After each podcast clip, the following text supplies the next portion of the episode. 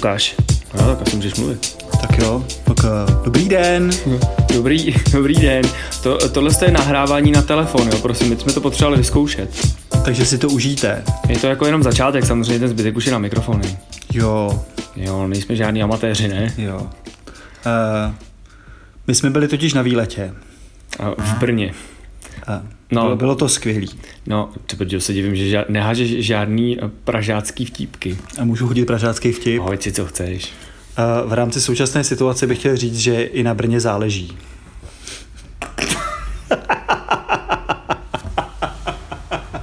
A Brno je opravdu moc hezký město a doufám, že to chápete jenom jako vtip a, a tak. Chápete, prostě Pražák si nemohl pomoct. no. Dobře. Teď týpek z Marianek tady celý červený a celý se kroutí. Prosím tě, máš tam připravenou nějakou kočičku. A původně jsem měl, ale úplně nevím, jestli na ní dneska vlastně mám náladu. Mhm. To je jako kočička v depresi. Ne, no. Kočička v depresi. Jak by byla kočička v depresi?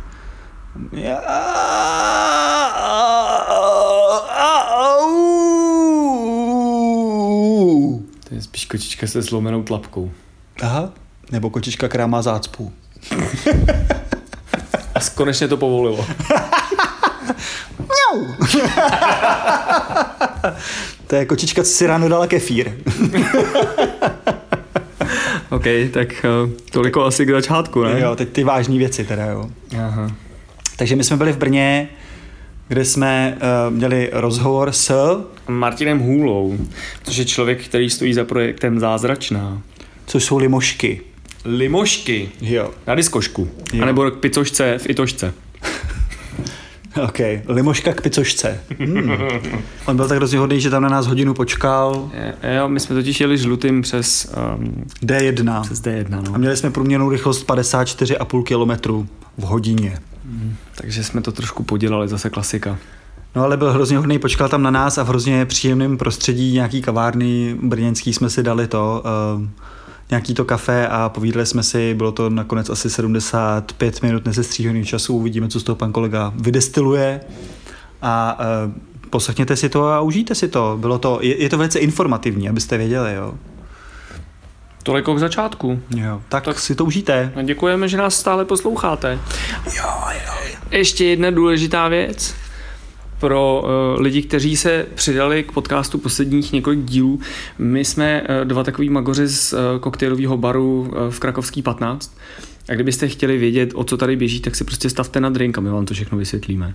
Jo a máme velkou oslavu, protože máme 100 lidí na našem Instagramu yes. barové sušenky.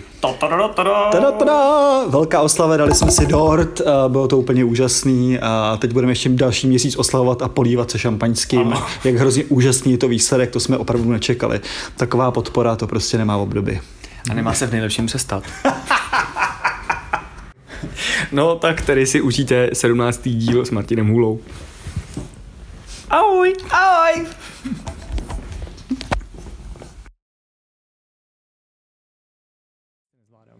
A do našeho dalšího podcastu číslo 17 jsme si pozvali Martina Hůlu, který stojí za projektem Zázračná limonáda mimo jiné. A je to jedna z věcí, a, o které se spolu budeme povídat a nejspíš zabrousíme i do období, kdy pracoval v baru, který neexistuje, jenom tak jako retrospektivně. A dobrý den vám přejeme. Dobrý den. den. Tak a nacházíme se tady v úplně úžasné kavárně, zrovna jsme si objednali jídlo, takže kdybychom do toho mlaskali, tak se nedivte. A tak asi začneme rovnou, ne? Nebudeme to prodlužovat, vy tady nás čekáte už hodinu. A jak se dneska máte? Super, super. Dneska to mám takový uh, trošičku volnější a dneska nevím, čím to je, ale po dlouhé době nejsem ve stresu. Jakože Takže- váš obvyklý denní režim je plný stresu. Uh, ano, ano, že na mě útočí ze všech stran různých jako úkoly a pořád mi zvoní telefon a dneska se to nějak neděje a přijdu si takový víc v pohodě. Jak si tohleto organizujete? Obtížně, obtížně. Já s tím, že mám tolik projektů a pořád, pořád eh, chci mít všechno pod dohledem, tak, tak je to docela, docela náročný a eh, poslední dobou se snažím hodně jako delegovat věci. že mám jako pár velice schopných kolegů, na které se snažím přehazovat jako věci, o kterých už vím, jak fungují.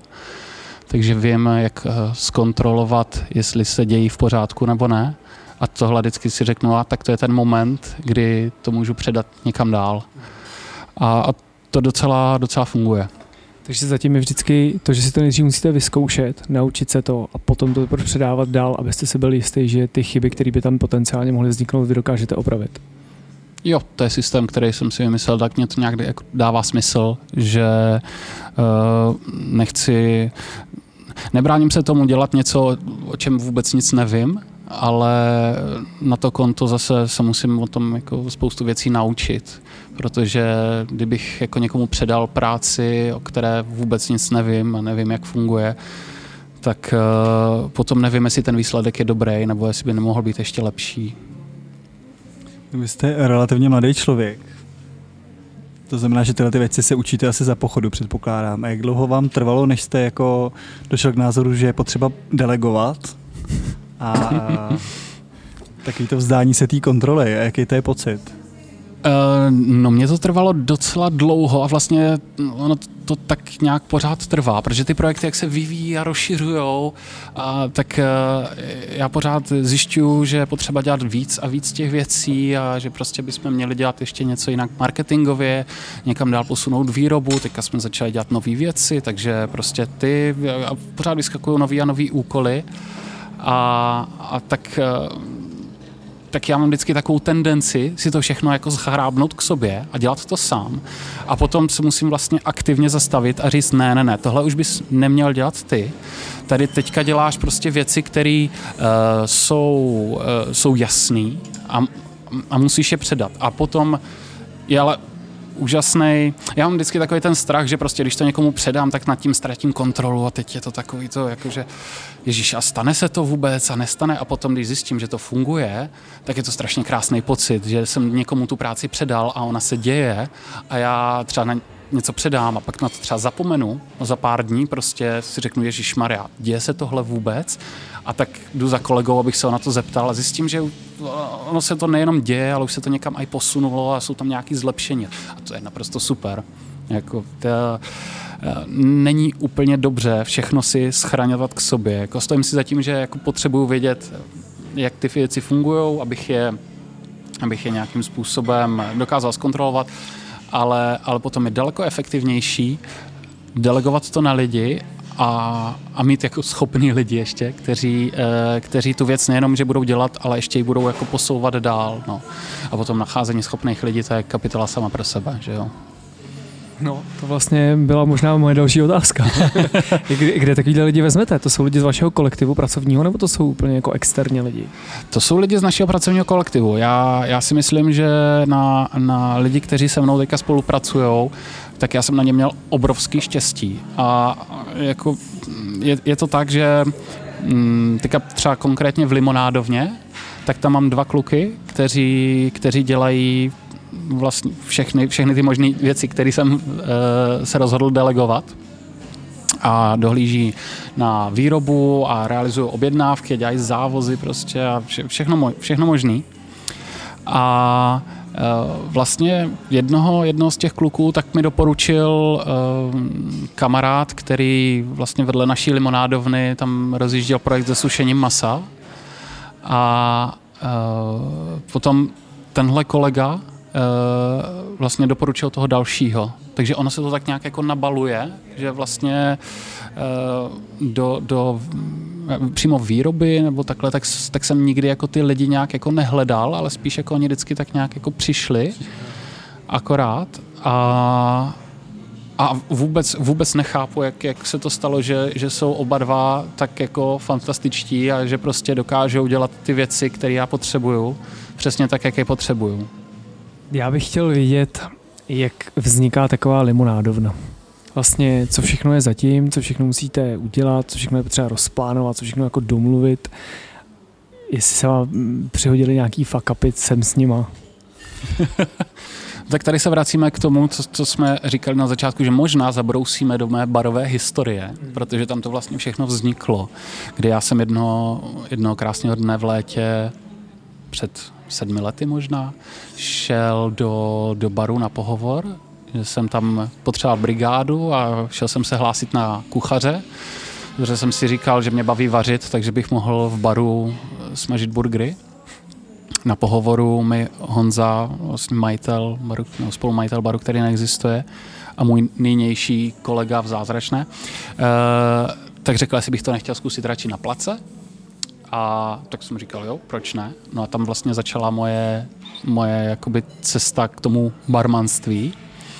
A já už jsem tenkrát Honzovi na tom pohovoru říkal, že bych chtěl někdy podnikat a ještě jsem jako přesně nevěděl, jako s čem, ale to bylo vždycky jako takový můj, uh, můj jako cíl, že bych chtěl něco jako vyrábět nebo dělat. No.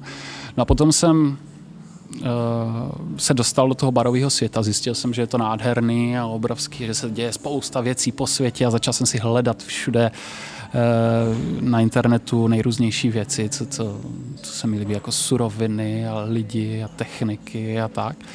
A, a pak jsem si říkal, abych jako s tím jako mohl něco začít, začít dělat. No a po nějakém procesu jsem si vymyslel, že budu dělat ginger beer. Že prostě je to, je to fajn věc. A, a tak jsem udělal věc, která se tenkrát jmenovala prohybiční limonáda, protože ten, ten nápad tak nějak vznikl okolo naší české prohybice, tenkrát byla metanolová aféra a toto. A bylo to v podstatě voda, eh, cukr, zázvorová šťáva a citronová šťáva, který jsem si sám jako odšťavnil. A udělal jsem pár jako zkušebních várek. Jako tenkrát vlastně ještě našel jsem si na internetu, jak, eh, jak funguje karbonizace a co potřebuju pro to, abych si mohl doma něco nasytit. Takže uh, jsem si sestavil doma takový karbonizér, jsem si koupil takové různé věci z blogu Jeffreyho Morgenthalera jsem se inspiroval, jak, jak by to mělo tak jako vypadat a fungovat. A, a tak jsem udělal prvních pár jako ginger beerů. Koupil jsem si nějaké lahvičky, prostě zátky, zátkovačku a takhle a udělal jsem první várky u sebe doma v kuchyni. Jsem donesl do baru, tam jsme to zkoušeli, děcka mi říkají, že to je super. No a já jsem měl nějaký známý tady po kavárnách v Brně a toto, a tak, tak jsem to začal prostě prodávat úplně na punk. Bez žádných papíru, výrobny nebo účtenek nebo něčeho takového. Etiketa tenkrát byla taková šedá páska, která začne lepit v momentě, kdy se namočí. Taková ta papírová. Já jsem si nechal udělat jenom razítko. Já jsem na Fiverru uh, jsem si nechal udělat logo za 5 dolarů, kdy mě to dělal nějaký borec z Jižní Ameriky, prostě logo prohybiční limonáda. Uh, to logo jsem, nechal jsem si udělat razítko, nastříhal jsem si tady tu izolepu prostě, vorazítkoval a potom vlastně, jak jsem měl lahvičky, které byly nalahvované a, a zavřený, tak když jsem je vyndal z, z lednice, tak oni se orosili a jak se to orosilo, tak jsem to tam lípnul prostě, etiketa byla hotová a takhle vznikla vlastně první, první moje limonáda. A měl jsem Fáby, prostě zavážel jsem to tady po Brně do různých kaváren a tak, oni to tam měli jako podpultovky takový dobrý, super. Jako. Pak jsem k tomu ještě později přidal druhý razítko, kde byla nějaká, uh, řekněme, nějaký pokus o, o, o složení prostě a výrobce, takovýhle věci, když já ani už pořádně nevím, kolik tam toho bylo a rozhodně nedost, jako co by, co by všechno mělo být. A lidem se to hrozně líbilo. A líbilo se to i klukům Honzovi Andrejovi, eh, z baru, který neexistuje. A říkali, jestli bych s nima nechtěl jako spolupracovat dál na Turbomoštu, což je vlastně dneska už uh, pojem, si dovolím říct, na vánočních trzích brněnských. Já jsem říkal, jo, pojďme do toho. Domluvili jsme se na nějaké ceně, že jim budu dodávat jako nesycenou verzi v barelech ve velkým a oni z toho budou dělat drinky. A tohle fungovalo. Pár let jsme takhle fungovali, že prostě jsem udělal vždycky jednou za sezónu prostě, já nevím, třeba tři tisíce litrů toho naraz prostě. Bral jsem všechny kolegy z baru a segru a bráchu a všechny prostě, aby mě pomáhali odšťavňovat citrony a zázvor, protože to se všechno dělalo ručně tenkrát. Říkám, tenkrát, jak kdyby to bylo prostě v 18. století, jo, a to je třeba, já nevím, eh, pět let zpátky nebo něco takového. A mám z toho fotky ještě, nádherné vzpomínky, kdy prostě jsme měli hory citrónu a zázvoru, prostě, který já jsem vždycky někam jako dovezl, prostě jsme se tam sešli, měli jsme ruční odšťavňovač, takový pákový na ty citróny a, a pak jsme měli odstředivý eh, odšťavňovač na, na zázvor. Za jednu sezónu jsem odvařil třeba tři nebo čtyři prostě, protože to, to, to bylo strašný. Ale fungovalo to a, a lidem to chutnalo. No a potom za mnou Honza jednou přišel, jestli bychom neudělali e, něco většího, neposunuli ten projekt. A takhle vlastně vznikla zázračná. Že vlastně e, prohybiční jsem tím pádem jako ukončil a nechal ji už jenom jako projekt na ty vánoční trhy. No a, a mimo to začala fungovat zázračná. Začali jsme přemýšlet, jak to udělat, aby jsme mohli vyrábět, co, co, co by to vlastně jako mělo být, tady ta značka, co by to mělo představovat a tak. No, začali jsme přemýšlet o, o výrobě. Já jsem jako začal přemýšlet o tom, a začal jsem hledat vůbec to, co, co potřebujeme, kolik toho budeme chtít dělat prostě, jaký budeme mít receptury a co, co to má být. Takže jsme přišli prostě s motivem tisíc příchutí a milion příchutí a, a tisíc lidí, tisíc chutí a takovéhle věci. Chtěli jsme dělat různé úleťárny, to mě taky baví strašně, jako Bestseller, ano, to je jedna, jedna z těch dobře ulítlých prostě celerová limonáda. A no, na začátku jsme udělali pět příchutí. Na tom spolupracovalo spousta lidí uh, vlastně z naší organizace, že tenkrát jsme měli bar, který neexistuje, Super Panda Cirkus a už myslím, že i čtyři pokoje. Jo, určitě už i čtyři pokoje. A uh, vlastně několik lidí udělalo různé receptury. Měli jsme vlastně jedničkový tonik s hořcem a koprem, pak jsme měli perníkovou limonádu, ibiškovou s citronovou trávou a datlema a rozinkama. Pak jsme měli cream sodu, což uh, byla taková naše variace na americkou klasiku s bylinkama a vanilkou. A pak jsme měli ještě maté, super suchý, super silný. No, pak, pak to přišlo, no, pak jsme začali řešit, eh, jak, jak to uděláme prostě s tou výrobnou. Já jsem měl tenkrát už pro prohybiční limonádu najít ty prostory, jsem to chtěl dělat ve větším a, a tak jsme to zabrali ty prostory pro zázračnou a uh, vymysleli jsme systém, jak, jak by to mohlo fungovat. Eh, soustava takových strojů, které by nám umožnili dělat eh, dostatečně velkou várku, aby jsme toho mohli dost prodat a zároveň dostatečně malou, aby jsme byli flexibilní, aby jsme mohli dělat eh, spoustu různých limonád.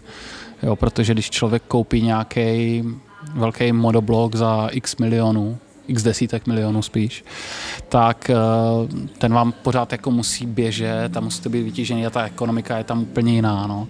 A tady, tady v tom, v tom malým relativně, to bylo zařízení, které nás stálo tenkrát snad milion a půl, tak, eh, tak, se to, tak se to docela dalo. Říkám docela, protože my jsme vůbec nevěděli, co, co, co to všechno jako obnáší. Já, když se někdy zamýšlím nad tím, kdybych dneska začal dělat zázračnou s tím, co vím, tak jako, co bych udělal jinak. A jedna z věcí, kterou bych udělal jinak, je, že bych nikdy nekupoval žádný stroje. Nikdy v životě. Protože uh, je daleko ekonomičtější tu výrobu dělat někde jako externě u někoho, kdo má tu výrobu perfektně zoptimalizovanou a zvládnutou a jenom mu dát zadání, na který dohlížím ve finále ta kvalita tam je ještě kolikrát daleko větší, než když to všechno dělám sám. Ale prostě balancovat eh, prodeje, obchod, marketing, výrobu, vývoj a všechny tady tyhle věci, to je strašná hokna. To je strašná hokna a my jsme ze začátku měli strašný problémy třeba s tím, že se nám ty limonády rozkvášely. Jo, že jsme udělali, uh, udělali várku, já nevím, třeba i biškové, a prostě za týden mi volali, prostě my jsme to první rok prodávali jenom ve čtyřech pokojích v tom našem podniku, aby jsme testovali a za týden mi volali, že prostě jim to tam bouchá. A já jsem vždycky, a tohle byl třeba stav, který trval dva měsíce a my jsme vůbec nevěděli, co s tím. A já jsem měl vždycky už noční můry z toho, jako kdo mě zase zavolá prostě a řekne, která ta limonáda se teda rozjela. Dělali jsme postupně jako různé úpravy. Nakonec jsme přišli na to, že jsme měli nějaký nedostatečný uh, sanitační program, že i když jsme to jakoby čistili, tak, eh, tak ne úplně dostatečně, aby jsme se zbavili všech jako, nebo, nebo byla tam nějaká, nějaká chyba po cestě, která, která nám ve finále způsobovala to, že, že ty kvasinky tam byly vnitř, nebo nějaký takový kultury, které to prostě rozjeli. No. A v momentě, kdy jsme měli třeba v té ibiškové jako klasický cukr a datle a rozinky a tady tyhle věci, tak to pro tu fermentaci je úplně to nejlepší, co jim, co jim můžeme dát. To je žrádlo. No, no, no, no. Takže to bylo potom jakože šampaňský úplně šílený. No. A, a tak, ježiši, no. No ale z toho teda vyplývá, že u nás musí existovat firmy, které tohle jako splňují. Mě by ani nenapadlo, že u nás jsou jako firmy, které takovouhle věc dokážou. Jo, to jsme, to jsme na tom úplně stejně. Já jsem taky vůbec netušil, že někdo takový existuje. A existují. A existují. A je jich jako víc, nebo je to spíš jako taková monopolní věc jako v rámci českého trhu? Je to tak, že člověk musí uh, znát pár lidí a musí vědět, kam má zavolat, kde se poptat. Jo. Tady ty B2B věci většinou nejsou moc dobře komunikovatelný. Nebo komunikovaný, tak. Jo. Je prostě ti lidi mají nějaký zakázky, něco dělají a, a, a jsou v pohodě a oni jako na Facebooku na mě nevyskočí reklama, o tom, že prostě tady, tady stáčíme limonády, jo, přijďte k nám. A postupně, jak člověk jako pozná nějaký lidi tady z té branže, taky jsem byl třeba tady v Brně, nebo tak mluvit na pár nějakých eh, konferencích, někde jsem jako mluvil o tom, jak mluvím teďka s váma, tak jsem jim říkal, jak jsem začínal s limonádou a tam byli lidi třeba jako z pivovarů nebo tak, tak jsem se s nima začal bavit, nebo co vyrábí cider a postupně člověk jako zjistí, kdo kde co dělá třeba a, a zavolá, zjistí, že prostě tam by to šlo nebo tam by to nešlo. Jo. Já jsem ale zároveň hrozně rád, že jsme ty stroje koupili, protože, jak jsem říkal na začátku, že potřebuju prostě znát tu problematiku, abych věděl, jako co dělám. Já jsem vůbec nic o těch limonádách nevěděl, já jsem nevěděl, jak se to vyrábí, já jsem nevěděl, co je potřeba, prostě nevěděl jsem, co to obnáší a všechno jsem se naučil za chodu. A uh, kdybych už tenkrát znal někoho, kdo jako něco takhle jako stáčí nebo vyrábí, tak, eh, tak bych vlastně ne, nevěděl ani, co po něm mám chtít prostě, nebo jaký, jaký objemy, co je možný prostě, nevěděl bych, jestli mě třeba neodrbává nějak nebo něco, jo. A takže já jsem jako za to strašně rád, že jsme měli ty stroje, protože uh, to byla jako veliká, veliká jako lekce a hodně jsem se z toho naučil. Jo. Takže dneska, eh, když prostě někoho hledám nějakého dodavatele, nějaké služby třeba, nebo zboží, nebo tak, tak vím přesně, jako co potřebuju, eh, co, eh, no, přesně co potřebuju. Vím, jaký jim mám dát zadání. No. Kolikrát se za tu dobu měl jako potřebu se na to všechno vykašlat, jestli vůbec. Ježíš, to bylo pořád, to bylo jak, jako jeden, jeden z těch momentů, tak to bylo prostě, my jsme, my jsme udělali vlastně, když jsme kupovali tu linku, my jsme neměli 1,5 milionu prostě v kapse. Takže jsme udělali takový náš vlastní crowdfunding, kde jsme prostě řekli, hej lidi, chceme změnit svět nealka, nejsme žádní troškaři, že jo. A řekli jsme, že uh, potřebujeme koupit na to linku, ale nemáme na to cash. A když nám půjčíte, tak my vám dáme úrok, uh, který bude lepší než v bance a zároveň, uh, zároveň nám pomůžete prostě to tady něco stvořit. A to bylo strašně úspěšný. My jsme měli za pár hodin prostě daleko víc peněz přislíbených, než jsme vůbec jako potřebovali. No a tak jsme koupili tu linku a teďka ona nám přijela prostě, teď jsme to nějak jako zapojili. A, a my jsme nevěděli, jak s tím. A ti lidi, kteří nám to prodávali, což jsem zjistil taky až později, to byla třeba jedna z těch věcí, jako, uh, ti lidi, kteří nám to prodávali, tak něco takového prodávali poprvé v životě. Jo? Oni prodávali vinařskou technologii a nám tady tohle ty velice specifické zařízení prodávali poprvé v životě. Ta, ta, ta, celá, ta, mm, celá ta, já říkám linka, ale to byl fakt jako soustava strojů, které stály za sebou, prostě nebyly nějak propojený, nebyla to pásová výroba. Jo. Tak eh, já jsem si to vlastně prostě namyslel, jak by to mělo fungovat, když jsem rozšířil ten model toho jednoduchého karbonizéru. A udělal jsem to jako velkokapacitně. Oni mě našli prostě stroje, které by to měli dělat. No a teď jsem zjistil, že ale oni neví, jak to má jako fungovat, nebo oni mě nedokázali zaškolit. Takže my jsme na všechno museli Eh, přicházet postupně. No a to byly, to byly třeba momenty, kdy jsem se na to fakt jako chtěl vykašlat, protože uh, jsme nad tím seděli a koumali prostě celý dny prostě a pak jsme něco stočili a byla to strašná makačka a ono se to stejně všechno rozkvasilo. A jak jsem říkal, no tak to je, to je v prdeli, no. Tak jako to. Ale pak, pak se to povedlo. My jsme postupně jako odbouchávali jednu chybu za druhou.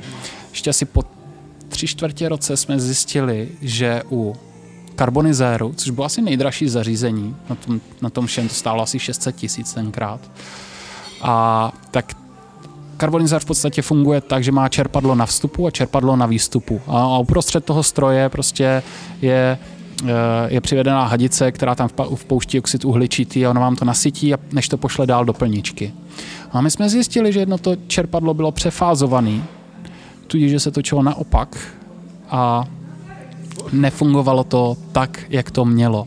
Takže ono, všechna ta limonáda, vlastně, která tam měla přijít, tak byla tlačená jenom plynem a, a nebyla, nebyla vlastně ča, tlačená tím čerpadlem.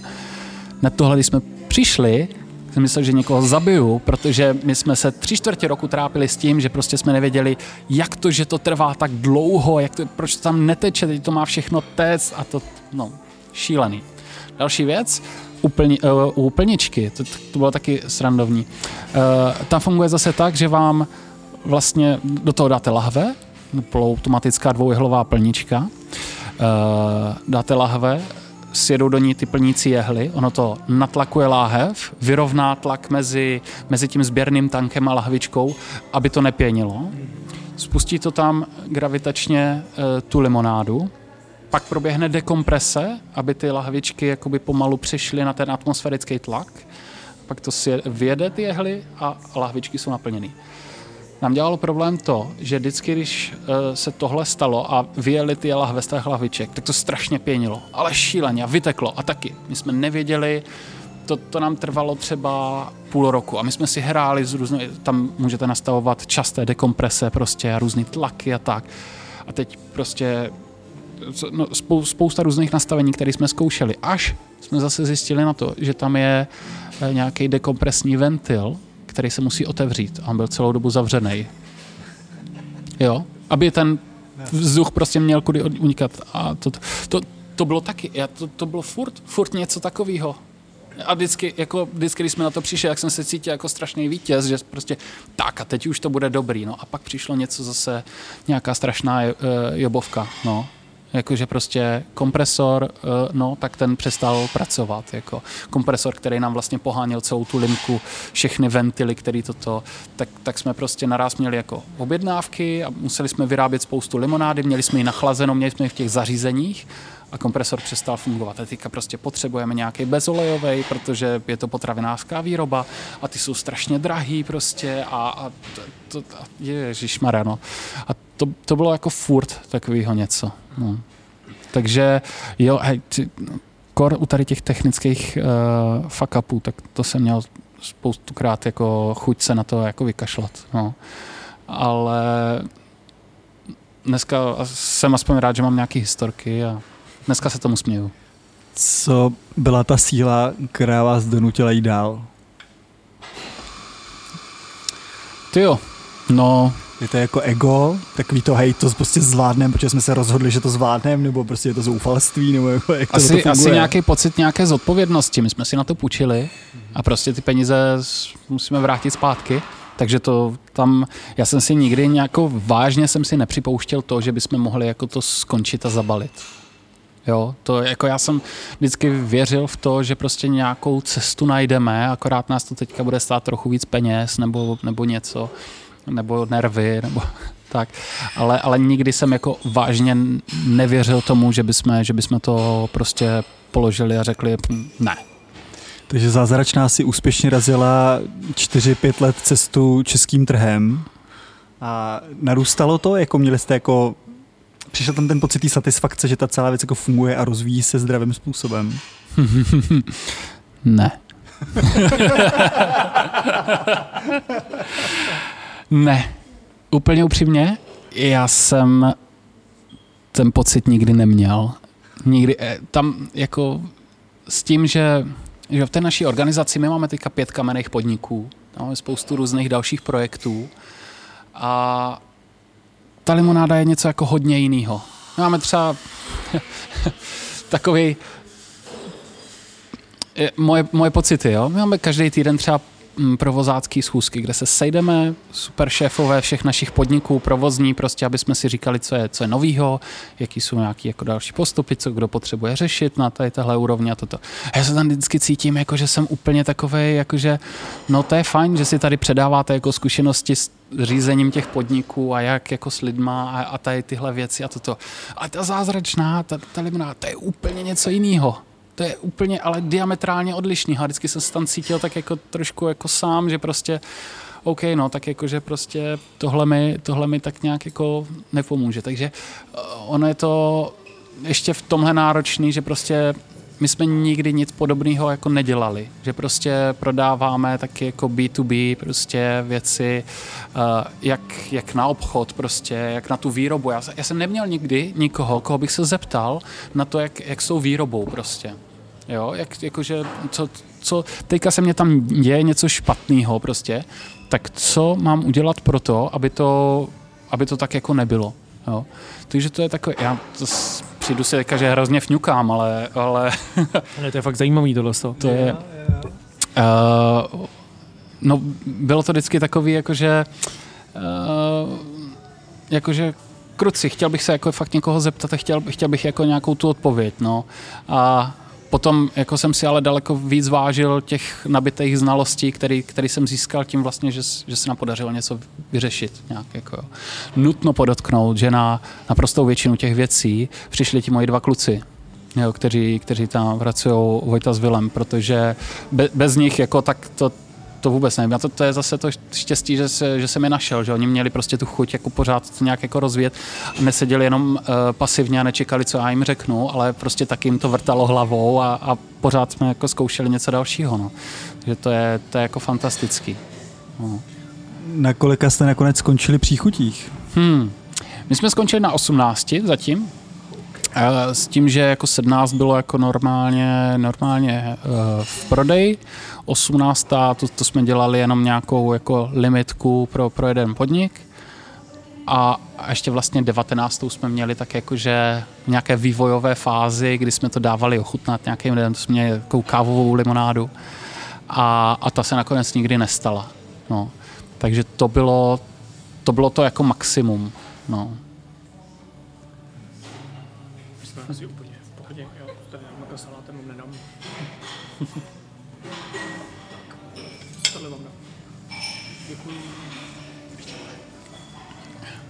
Převyšuje nějaká ta limonáda jako všechny ostatní, nějak zásadně? Mm. Tím, jak moc je žádaná, chtěná a funkční? jo, jo, tak eh, jako ve všem prostě v tom portfoliu jsou taky rozdíly. My jsme udělali strašně moc uh, limonád a strašně moc ulítlejch limonád, prostě, který uh, prostě nebudou chutnat všem. A já jsem vždycky chtěl takový to, jako že prostě, já, já vím, že vám třeba tady prostě z těch 17 limonád 16 nesedne, ale pro mě je důležité, abyste o té 17. řekli, že to je to nejlepší pití, co jste kdy jako v životě měli. Tohle jsem tak jako vždycky říkal. A v podstatě my jsme teďka nedávno se rozhodli, že uděláme jako dramatickou změnu, že se zaměříme v tom portfoliu jenom na uh, ty limonády, které lidi jako opravdu chtějí, na ty nejprodávanější. My jsme se rozhodli, že uh, celou tu naši slavnou výrobu prodáme.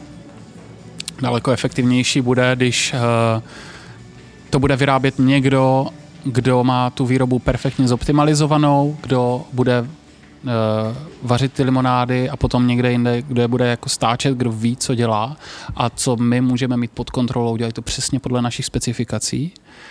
Takže jsme se rozhodli tímhle směrem, ukončili jsme výrobu tady, tady v Brně, ale furt, furt je to ta stejná, stejná limonáda. A, a rozhodli jsme se jít jenom po těch jako nejprodávanějších, což je vlastně uh, perníková limonáda, woody soda, kola a oba dva toniky. Jak uh, růžový perníkový, tak uh, koprem a hořcem. No. Takže to bude do budoucna, do budoucna portfolio zázračných. Já teďka nepředpokládám, že bychom dělali nějaký, nějaký další. Bohužel rve mi to srdce, ale, ale musíme nějaký jakože prostě e, nemilosrdně utnout, protože to prostě nebylo ekonomický. No. Myslím si, že, že jsme to kolikrát i jako špatně uchopili, a i ten nějaký obchodní model a tak, že jsme to nedokázali plně vždycky jako odkomunikovat. Zákazníci byli zmatení z toho, že jich máme tolik. Jako, potom je tam obrovská zátěž na skladové zásoby prostě, aby jsme to všechno tak nějak udrželi a každá ta eh, limonáda chce od té výroby trošičku něco jiného, ať už je to nějaká úroveň nasycení nebo prostě nějaký specifický suroviny nebo prostě nějaká eh, třeba Eh, čas dekomprese nebo něco takového. A když člověk dělá takhle široký portfolio, tak se nemůže soustředit na nějakou optimalizaci, která by vám jakoby ušetřila uh, náklady na výrobu. To je možná důležitý zmínit. Ta výroba naše byla vždycky strašně drahá. Extrémně. Jo? Proto, proto my jsme ty limonády vždycky měli jako hodně drahý. My jsme, my jsme vždycky měli ty limonády hodně drahé. My jsme si říkali od začátku, že prostě nebudeme to šidit, budeme dělat prostě, prostě limonády. To dodržujeme dodnes, používáme, myslím, že jako jedni z mála používáme jako opravdové suroviny, nepoužíváme mm, jako barviva a konzervanty a takovýhle, tak to vůbec ne, ale, ale i se snažíme nepoužívat nějaký extrakty nebo něco, něco takového. Jo, když je prostě na etiketě napsaný, že tam je kardamom, tak tam fakt nasypeme kardamomový ty tobolky prostě a děláme z toho syrup. Jako, jo. Proto máme právě ještě jako ten výrobní mezikrok, kdy se vaří syrupy, kdy to máme prostě speciální, uh, speciální firmu, která nám tohle dělá Eh, která nám dokázala vůbec podle našich specifikací tohle vyrobit, protože to jsem tak jako kolikrát narazil, když jsem tohle chtěl právě po někom, tak mě řekli, že prostě jo, tak to, to vám uděláme tady jako, že prostě z extraktu nějak vám to nasimulujeme, ale, ale já jsem chtěl vždycky jako tu, tu opravdovou věc. No. Potom to bylo strašně drahý, takže proto ty limonády byly jako drahý ve finále a uh, myslím si, že jsme na, na ten český trh, že jsme hodně přestřelili. No že tohle by nám třeba prošlo jako v Německu nebo tak, kde ta cenová hladina je jinde, ale, ale u nás to, to, to jsme přestřelili. No. Takže ten trh na takovýhle limonády ještě není připravený v České republice? Uh, já si myslím, že ten trh jako na ty limonády je, je připravený, jako tady je otázka, Eh, s tou, s tou cenou, jakože my teďka vlastně, když, když to vyrábíme, když už jsme u sebe udělali tu práci, to, že jsme eh, ty procesy zoptimalizovali a zlevnili a toto, tak my se teďka dokážeme dostat na nižší cenu, to znamená, my můžeme nabídnout jako nižší cenu, co jsme vlastně jako udělali, že jsme teďka všechny ty limonády, které nám jako zbývají, tak jsme je jako dramaticky zlevnili o 25%. Jo. No. a, a takže jsme teďka už si myslím jako na normální, normální ceně, jo, ale chtělo to ten čas, jako aby jsme to prostě všechno odladili a aby jsme přišli na to, jak, jak to vlastně dělat. Jo. A já si myslím, že jako teďka, jako, že, že Česko je na to úplně v pohodě připravený. No tak, jak je to nastavený teďka. No. A tak to ukážou potom další měsíce teďka, no, protože my jsme tu změnu dělali teďka jako nedávno, ještě jsme to nikdy ani pořádně jako nekomunikovali, uh, jenom u nějakých našich uh, obchodních partnerů nebo tak. A, a tak já jsem hrozně zvědavý, co to udělá. No. Protýkáme, že toto není placený příspěvek. Eh, já mám otázku ohledně toho, když jste si prosazoval čerství suroviny a vlastně ty opravdové suroviny a ne ty náhražky. Eh, jak jste jak jste pracoval sám se sebou a vlastně i s tím člověkem, který mu se to vysvětloval, který vás určitě přesvědčoval o tom, že to je zbytečný a že to vlastně můžete dělat touhletou levnější cestou. Jak jste se vlastně jako vypořádával s tím, že vy jste toho člověka musel jako přesvědčit o tom, že to jako chápete, ale že chcete jít svojí cestou? Já jsem vždycky, teda, já jsem nikdy nepotřeboval nikoho jako o tom přesvědčit. V podstatě ti lidi, kteří mi řekli, že to je, že to je hloupost a že, že prostě to takhle nejde, no tak já jsem s nimi jako nespolupracoval, protože co, no, to ne, nemusím s nimi spolupracovat. A v podstatě, kdykoliv jsem se o tomhle bavil třeba v rámci naší organizace nebo tak, tak jako to všichni to brali, jako takovou jako samozřejmost. Respektive tam nikdo u nás nikdy nevěděl, jak, jak vyrá... no, nikdo u nás předtím nevěděl, jak vyrábět limonády. Jo. Takže uh, v podstatě dneska, když už jsem byl i na nějakých veltrzích a, a viděl jsem prostě a komunikuju prostě s nějakýma těma uh, dodavatelama různých těch surovin a co oni mě kolikrát jako nabízí, jo, tak jako mám představu o tom, jak se, jak se ty limonády jako vyrábějí a je to že to, to je tak jako vidím, vidím jako nějakou limonádu a že teďka přečtu si složení a úplně přesně vím, vím, co tam je a vím i od které firmy to tam je a, a protože jsem prostě třeba před týdnem mluvil s člověkem, který mi něco takového jako nabízel kdysi a takový a říkám si, že já chci, aby to v té zázračné jako zůstalo. Tady, ta, tady ty jako opravdové suroviny, protože to je to, co nás jako odlišuje. A to, co se mi na tom hrozně líbí a to, co je, uh, mně, mně přijde vždycky jako, že tu chuť jako člověk jako nedokáže jako ojebat takhle. No. A nutno podotknout, že jak jsme dělali jako spoustu těch limonád, tak spousta jich jako byla fakt jako extrémních. Já jsem třeba člověk, který má rád jako tady ty extrémní chutě, ale uh, bohužel jako velká většina toho, toho českého trhu se mnou jako nesouhlasí radši sáhnout po něčem jako bezpečnějším a, a mírnějším. Takže uh, ve finále jsme jako museli spoustu těch limonád osekat. Máte nějakou představu, kam byste to chtěl dostat? Jakože budete třeba exportovat do Ameriky zázračnou? Mně by, se líbilo, kdyby to, kdyby to vyrostlo. Já nejsem vůbec jako proti té myšlence, že by to bylo nějaký jako veliký a úspěšný a, a bohatý, že jo, proč ne? Mm, nemám asi jako konkrétní bod, protože si říkám, že v momentě, kdy si ho vymyslím, tak mě to bude strašně jako limitovat. Jo, takový to sky is the limit.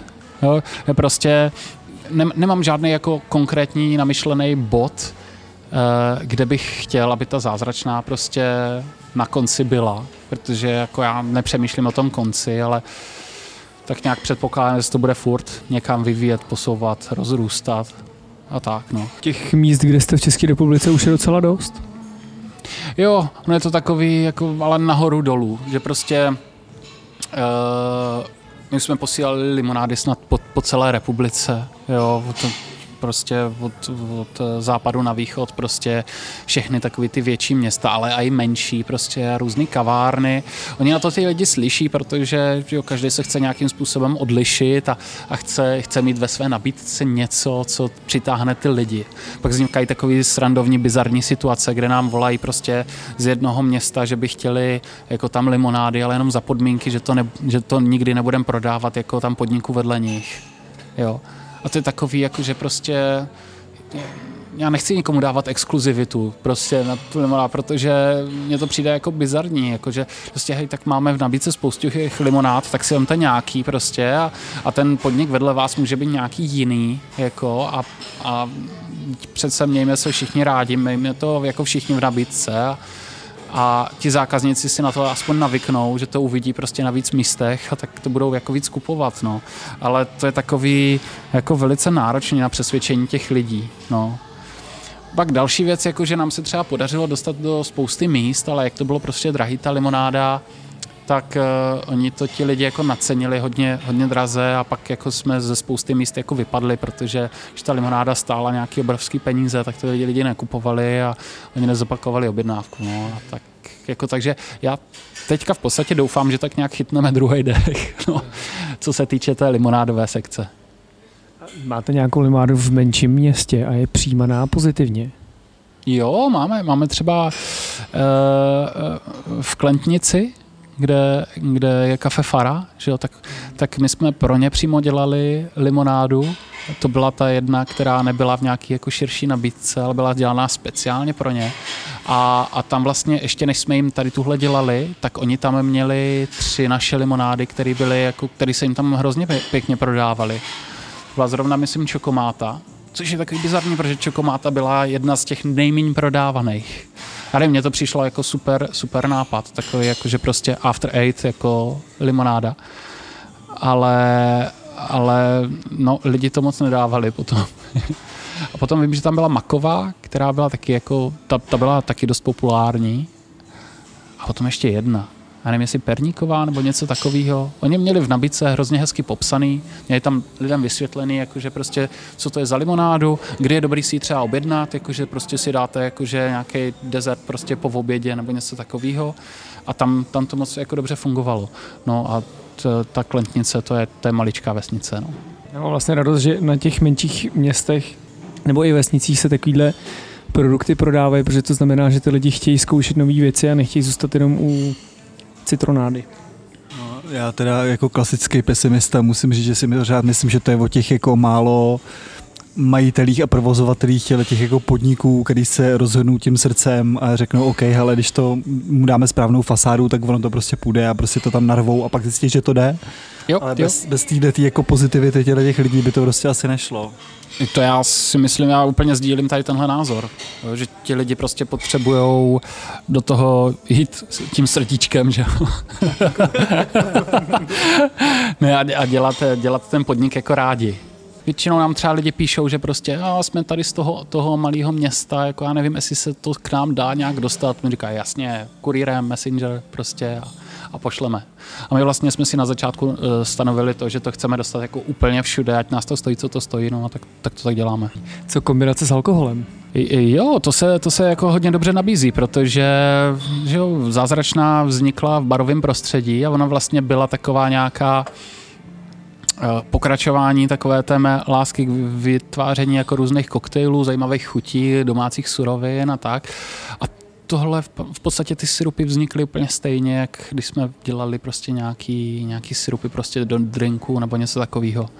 Takže my s tím hodně, hodně pracujeme v rámci těch našich podniků a jsme mm, to zkoušeli jakoby do, do ostatních podniků, Eh, který jako berou zázračnou, že prostě, když tam měli nějakou limonádu, že jim vymyslíme k tomu nějaký koktejl a prostě takovýhle věci. No. Ono Uh, mně vždycky přišlo, že ty limonády se jako hodně dobře míchají s alkoholem, protože jsou to takové jako nezvyklé chutě, jsou to ty jako opravdové syrupy a mě to, mě to k tomu prostě vždycky jako dobře sedělo. A takový, jako že máte makovou limonádu, tak uděláte nějaký makový fizz prostě, nebo něco takového, to, to, to hrozně, hrozně dobře sedí. A, a kde jinde jako najdete nějakou makovou, makovou věc takhle v tekuté podobě. No. Takže omezili jste portfolio na pět. Ano. A vy, jak jste na začátku říkal, že máte spoustu nápadů a rád vymýšlíte nové věci a furt jdete někam kupředu, tak to znamená, že koukáte na těch pět hotových věcí, které se teda vyrábějí, tudíž vaše mysl pokračuje někam dál. No a teď jako otázka, jako jakým směrem? No, uh, uh, odpověď na tohle je taková, že teďka třeba v čase té korony, tak jsem s kolegou udělal deskovou hru. My jsme vlastně jako, jsem byl tak trochu v depce, protože se limonády neprodávají a, a mm, jeden z jiných kolega u nás v kanclu jako říkal, jestli, jestli bychom třeba nemohli udělat nějakou deskovou hru. To byl takový jeden z nápadů, jako co bychom teďka jako mohli dělat, když jsou podniky zavřený a že by nám to mohlo jako nějak pomoct. No a mě ten nápad jako hrozně líbil a já jsem začal hnedka vymýšlet herní mechaniku prostě a udělal jsem uh, deskovku, která se jmenuje Tour de Bar a je to takový objevování brněnských podniků a není to nějaký hloupý člověče, nezlob se a člověk tam sbírá spokobody za konzumace v barech a musí si hlídat střízlivost a je to, je to strašně srandovní. Jo. A tak, tak to je třeba věc, která eh, se vůbec jako nápojů netýká. A netýká se vlastně vůbec zázračné, ale jenom je to jako jeden jako takový projekt, který, uh, který jsme měli jako možnost jako udělat. No. To, to mě na, na té naší společnosti jako hodně baví na té naší organizaci, že prostě tam, tam jsou takovéhle možnosti, že někdo přijde s něčím a řekne, OK, tak, tak to zkusme. No. To znamená, že ty cesty jsou nevyspytatelné a všudy mířící. Jo, Jo, dalo by se to tak říct, no.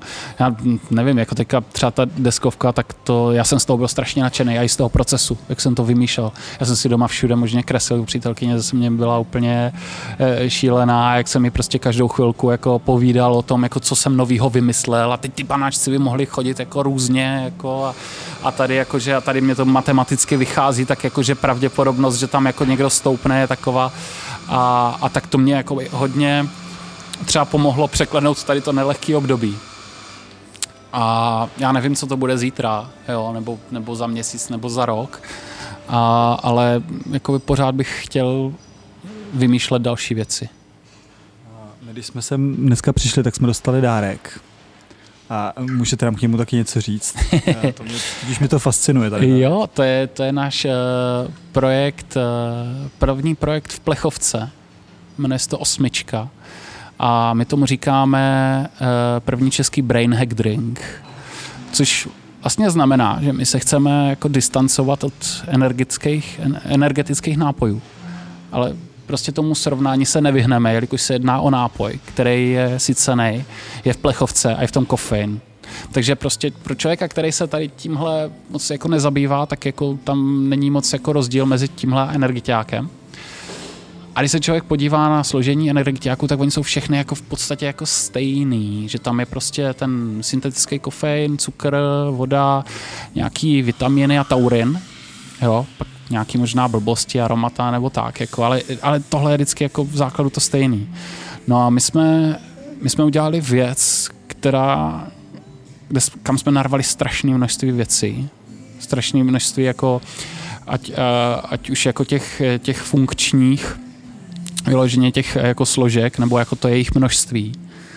A řekli jsme si, že uděláme, uděláme drink, který bude člověka pozbuzovat, ale takovým jako dobrým způsobem. Nechtěli jsme takový to, že prostě si dáte energiťák, máte ten sugar rush, ten vás nakopne na 20 minut, pak vás to kopne dolů ještě a jste na tom hůř, než jste byli.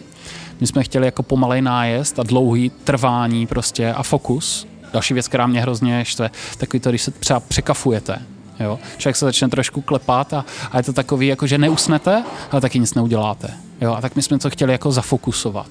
Máme tam spoustu dobrých věcí, je to postavený na čaji, tam kombinace mači a senči a fakt jako, že přes 90% toho nápoje je ten, ten výluch z toho čaje, ten zbytek, to jsou v tom jenom rozpuštěné ty funkční látky. Jo. Takže zase je to, je to něco, co se tady v tomhle oboru jako vůbec nedělá. My, když jsme dělali to první stáčení, tak se na mě borec ve výrobě díval jak eh, na blázna, že vlastně nechci jenom rozpustit ve vodě nějaký, nějaký věci a cukr, ale že prostě tam přivezu do té, do té stáčírny prostě ten hotový nápoj.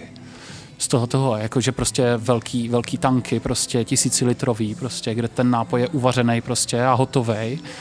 A no, bylo to, bylo to náročný.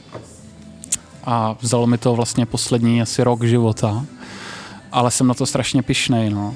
Že kromě, kromě těch čajů, uh, tak je tam guarana, to, ta, společně jako guarana s těma čajema, tak jsou přírodní zdroje, zdroje kofeinu. Uh, není tam žádný cukr, což je zajímavý, ale aby člověk nebyl ochuzený o tu energii, kterou z toho cukru přijímá, tak je tam MCT olej, což je takový tuk, který se v, v tělu jako neusazuje vůbec a on se hnedka přemění na, na energii, takže to jsme tam takhle nahradili. Erytritol jako, jako ne, nekalorický sladidlo, Eh, všechny ty věci, které tam jsou, tak jsou, tak jsou přírodní, až na, na vitaminy, které jsou přírodně identické. To jsem bohužel ještě nedokázal najít jako uh, přírodní alternativu, ale hledáme, jako, která by stala nějaký normální peníze a, a dobře chutnala a voněla a tak. A pak je tam cytikolin, tyrosin a takové věci, které zní jako hodně chemicky, ale v podstatě co to způsobuje? Člověk má hodně energie, je zafokusovaný, eh, dokáže dlouho pracovat a nemá žádný jakože eh, rychlej náběh a hnedka dolů, ale fakt to postupně naběhne a pak to trvá dlouho, jo, až osmička se to jmenuje, protože je tam osm těch funkčních složek a taky, že to má trvat těch osm hodin. No. Takže a pak je tam korálovec ježatý ještě, to je uh, houba, to vzácná houba, uh, takzvaný nootropikum, no, jako houba s nootropickými vlastnostmi, která by měla mít podle nějakých studií pozitivní vliv na uh, Ježíš, teď jsem to zapomněl, neuronový růstový hormon, jestli se to tak jmenuje, tuším. Že, uh, řečeno normálními slovy, mělo by to mít pozitivní vliv na, na tvorbu nových synapsí neuronových v mozku. Jo. A, a tak, jakože to, to, prodáváme to teďka tři měsíce, tuším. Zatím máme naprostou většinu ohlasů jako velice pozitivních, že to na ty lidi fakt funguje, což jsem strašně rád. A teďka jsem v procesu právě eh, objednávání dalšího stáčení. Při první várce jsme dělali 20 tisíc plechovek, teď budeme dělat 75 tisíc. A je to super, no. A prodáváme to jenom přes web, jenom v balení po osmi, protože jsme vtipní.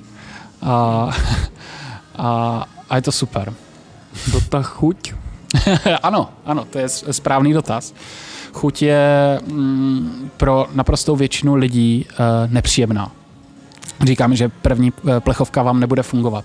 A eh, my, když jsme to vyvíjeli, tak jsme se snažili jako ten maximální funkční účinek. To bylo prostě alfa omega, prostě člověk to na sobě musí poznat. To se nám povedlo a přitom jsme tu chuť až tak moc jako neřešili a ona je taková, že si na ní člověk musí chvilku jako zvykat. A co mě píšou lidi, tak většinou jakože při čtvrté plechovce, že už si zvykli a při osmé plechovce, že už jim to přijde jako příjemný. No. Ale do další várky já bych to chtěl nějak jako posunout. Kdybych měl říct jako úplně, úplně, úplně upřímně, tak eh, když jsme měli testovací verze, tak ono to takhle nechutnalo úplně. A trošku nás překvapilo to, že když to stočíte v tom velkém množství, a mm, nasytíte, když to projede těma strojema a pasterací prostě a je to v plechu, tak ona se ta chuť ještě změní a oni z toho hrozně vylezli ty B vitamíny, což jsou prostě takový aroma kvasnic nebo něco takového. A, a to z toho vylezlo jako velice, velice agresivně a to v tom nikdy jako předtím v testovacích várkách nebylo. A to je taková věc, na kterou člověk přijde, až když to prostě zkusí. No. Jedna věc, eh, mě hrozně fascinuje, vy na té plechovce zezadu máte jako ukrutně rozložený to složení toho, co v tom všechno je. Já jsem si vždycky myslel, že se to dělá tak, že teda vy ten produkt vyrobíte a pak ho pošlete do nějaké laboratoře a ta vám zpátky prostě pošle, hele, je v tom přesně tohle, takhle, tolik, tady, nazdar, napište to tam a je to jako v pohodě. A funguje to tak, nebo to funguje úplně jinak tady ten systém?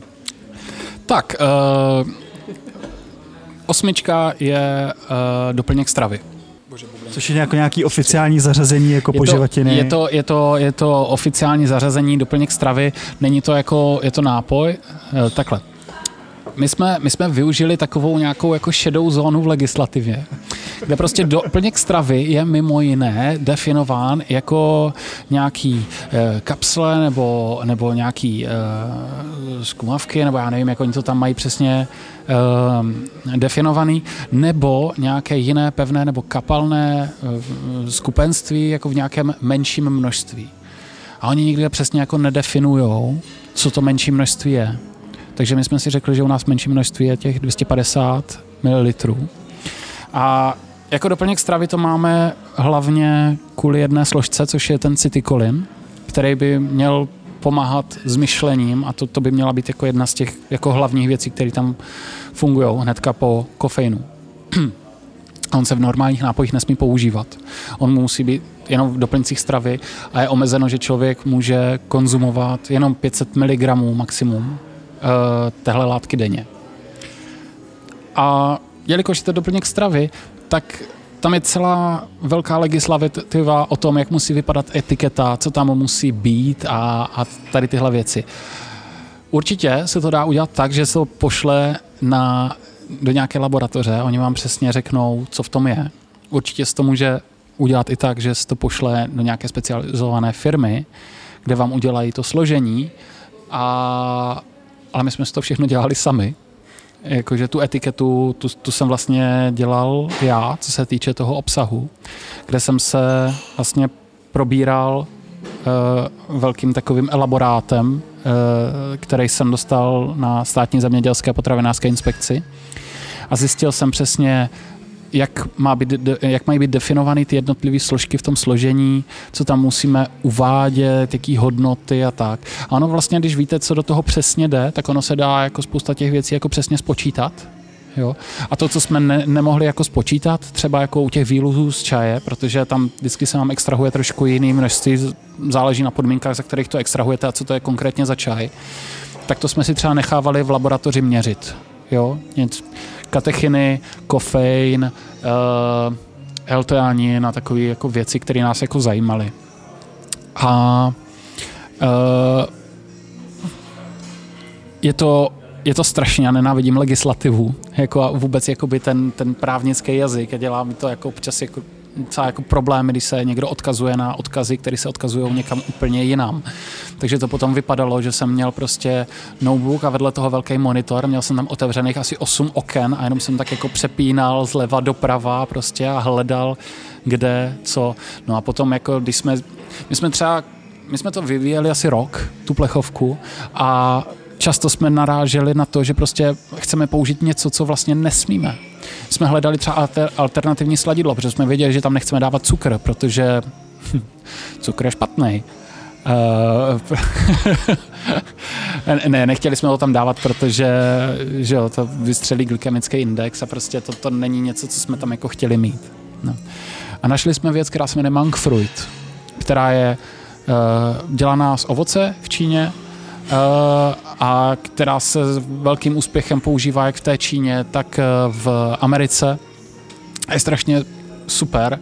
Je to nízkokalorický sladidlo a, a chutná úplně skvěle a všechno. A tak jsme si našli na Alibabě dodavatele a koupili jsme spoustu tady tohohle sladidla. Už nevím přesně kolik kilo, ale to, to mohlo být třeba 50 kilo, že jsme koup, možná víc, nevím. No to je jedno. Jakmile jsme měli tu, tu objednávku, tak jako jednou v noci mi kolegyně napsala, jako jestli jsme si jistí, že to můžeme použít. A mě vůbec nenapadlo, že bych to nemohl být schopen použít nebo nesměl použít. A pak jsem zjistil, že evropská legislativa to použití zakazuje jednoduše z toho důvodu, že ho ještě nepovoluje. Ono je to v nějakém jakoby procesu, kdy schvalovacím, jo, a kde, který se vleče už jako x let, už prostě strašně dlouho a už, už by se to jako někdy mělo schválit. Ale my jsme ho tam ještě nemohli dát, takže jsme rušili tu objednávku, takže jsme prostě tam jako museli zaplatit nějaký poplatky ještě a jsme si říkali, Ježíš Maria, to je šílený. No a, a potom jakoby jednotlivé ty věci, kolik toho tam můžeme použít, jestli to tam můžeme použít a teďka prostě ta Teďka eh, česká legislativa, co se týče doplňku stravy a evropská, není harmonizovaná. Takže každá ta každý to nařízení říká něco trošičku jiného, jo, nebo se navzájem nějak doplňují, nebo nedoplňují a, a tak. A ve finále ten schvalovací proces je takový, že vám to nikdo neschvaluje. Vy máte jenom oznamovací povinnost na ministerstvo zemědělství poslat etiketu s tím, že prostě, hej, uvádíme do oběhu doplněk stravy, tak jako heads up. A to je vlastně jediný, jediný co jako musíme udělat. Jinak vůbec nic. A to prostě pošlete tvou schránkou a nazdar. Jo, mailem jsem to posílal. Okay. Našel jsem si tam kontakt na někoho, tam je jedna paní, myslím, která tohle konkrétně jako vyřizuje. Uh, blbý je, že třeba jsem se jí ptal už předtím na nějaký jako dotazy jako k tomu, co, jak mám udělat, prostě jestli toto. Odpověď bohužel do dnešního dne nepřišla a už ani nedoufám, že někdy ještě přijde. Jako já chápu, že oni jsou jako asi zaneprázdnění. A, no, a potom jsou tady jako firmy, které to udělají za vás, ale e, teda tu, tu legislativu, že, že mám toto, ale, ale je to strašně drahý taky a, a, a to byla zase další věc, kterou jsem se naučil. je fakt hustý. Já můžu, můžu říct vtip? Můžeme, když tak jako potom vystříhnout, ale je to fakt fascinující, když jsme u těch doplňků stravy, tak mě moje žena včera oznámila, že chodí na jogu a že jako jí bolej kolena a že si pořídila jako doplněk jako na klouby. Ale že když chcete koupit jako doplněk na klouby pro lidi, takže to je strašně drahý a je to plný nějakých přesně jako umělých barviv a různých jako kravin, ale že existuje skvělá alternativa, která to nemá a to je doplněk stravy pro hříbata a koně. Takže moje žena má doma teď takovou pětilitrovou krabici, na který je namalovaný hříbě a je na tom napsáno, že 500 kilový hříbě potřebuje pět odměnek a ona si podle toho jako dávkuje, protože má asi 42 kg. A to je prostě jako doplněk stravy. Já jsem na to koukal, vůbec jsem tomu nevěřil. To je možný. Ano, ano, ono to akorát hůř chutná, jako, ale, ale tak, taky jsem to slyšel, tady, tady tuhle věc. To je jako, fakt jako strašný. Jako, eh, šílený, no. Že člověk, když se na to potom podívá, eh, tak eh, jsou tam úplně ty stejné aktivní látky prostě. Akorát to mi, to prostě, mi tvrdila, to mi tvrdila. No, akorát hříbata to mají levnější, no. že to máme jako vtip na závěr. Jo, jo, jo, to je taková jako klisnička style. Měli jsme se na něco zeptat, na co jsme se nezeptali? Nebo chcete ještě něco poslat do světa, co se ještě neposlalo do světa? Já jsem chtěl do světa poslat uh, Tour de Bara osmičku, to se povedlo. Taky to, že jsme, že jsme dělali změny v limonádovně, to se taky povedlo. Za mě, já, já jsem spokojený. Tour de Bar se dá sehnat kde? Tour de Bar se dá sehnat uh, přes náš web. Máme lidi z baru.cz a tam prodáváme všechno takové to, co, co máme jako navíc, a nebo co jsme vymysleli a tak. Takže tam prodáváme, e, tam jsme za času korony prodávali meníčka, myslím, a různé poukázky a kuchařku jsme udělali taky. To je jeden z projektů, na kterých jsem se třeba vůbec nepodílel, když jsem nejdřív chtěl, ale pak jsem radši dělal deskovku. A, a tam si člověk může koupit jako tu kuchařku, a, a nebo, nebo tu deskovku a my to zase zabalíme a pošleme po, po, celém, po celém Česku a i na Slovensku a všude možně. Děkujeme. Já děkuju. Děkujeme moc.